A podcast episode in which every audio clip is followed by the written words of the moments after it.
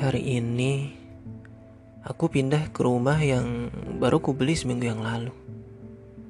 Aku memilih membeli rumah ini karena harganya cukup terjangkau dan tak terlalu banyak menguras tabunganku yang tak begitu banyak.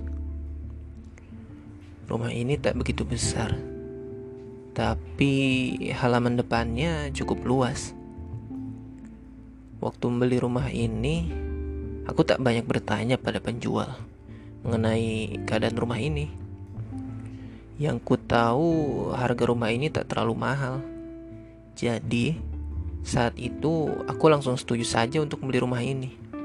Sebab sudah lama aku mimpikan punya rumah sendiri setelah bertahun-tahun tinggal di rumah kontrakan yang begitu kecil dan sempit.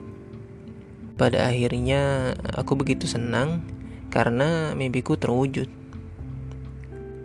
Kakiku mulai melangkah masuki rumah ini. Masih ada beberapa benda yang tersisa di sana, meskipun tak terlalu banyak. Di ruang tamu masih terdapat meja dan bangku yang terbuat dari bambu. Sementara di ruang makan terdapat meja makan yang terbuat dari kayu jati yang masih kokoh dan belum tampak rapuh.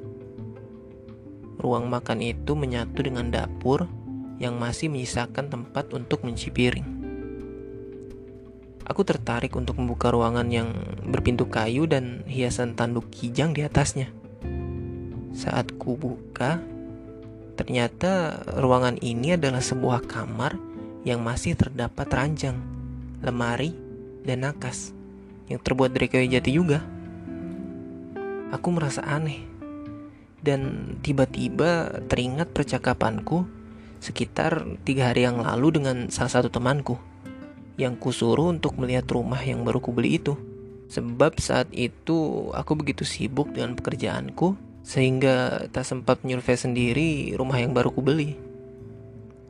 Man, menurut lo gimana rumah baru gue itu? Tanyaku pada temanku yang bernama Karman. Menurut gue rumahnya masih bagus dan kokoh. Tapi kok gue ngerasa hawa yang gak enak ya di rumah lu. Kayak ada yang ngawasin gue gitu. Ujar Karman padaku. Aneh gimana? Mungkin cuma perasaan lo aja kali. Oh iya, rumah gue kosong atau ada isinya man?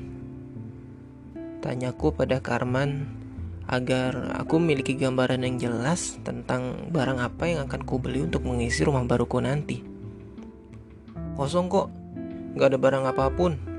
Jadi gua rasa lo perlu beli barang yang agak banyak biar rumah lo gak kerasa hampa. Jawab Karman. Bukankah kata Karman rumah ini kosong? Tapi kok ada beberapa barang yang masih tersisa di sini? Apa mungkin Waktu itu ia tak melihat barang-barang ini. Sudahlah, aku tak mau mengambil pusing tentang hal itu. Bisa jadi, waktu itu Carmen mengatakan seperti itu supaya ia bisa menemaniku membeli banyak barang untuk rumah ini. Dasar Karman, Karman. Gumamku sambil masukkan beberapa baju dari koperku ke dalam lemari kayu yang ada di kamar ini. Seharusnya Aku merasa senang bukan? Sebab kalau sudah ada beberapa barang di sini, jadi aku hanya perlu membeli beberapa barang lagi yang belum ada di rumah ini. Hal ini tentunya merupakan kabar baik yang membahagiakan untuk tabunganku. Malam ini, malam ketiga aku tidur di rumah baruku. Awalnya aku tak merasakan apa pun waktu masuki rumah ini. Namun tak mengapa, Seiring bertambah waktu, kurasa suasana rumah ini mulai terasa aneh dan mencekam. Padahal sudah kunyalakan perapian yang masih ada di rumah ini. Tapi sama sekali tak kurasakan hawa kehangatan dari api yang menyala itu.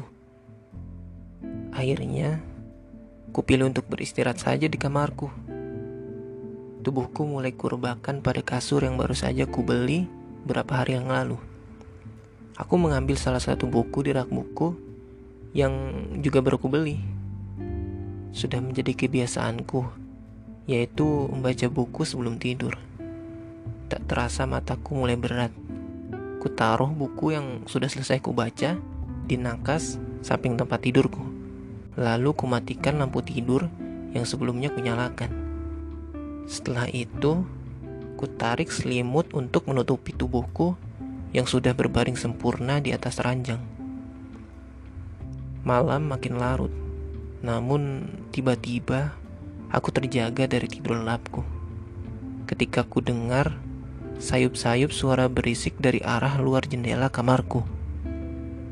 Rasa kantukku tak lagi tersisa. Yang ada kini rasa takut melingkupi diriku.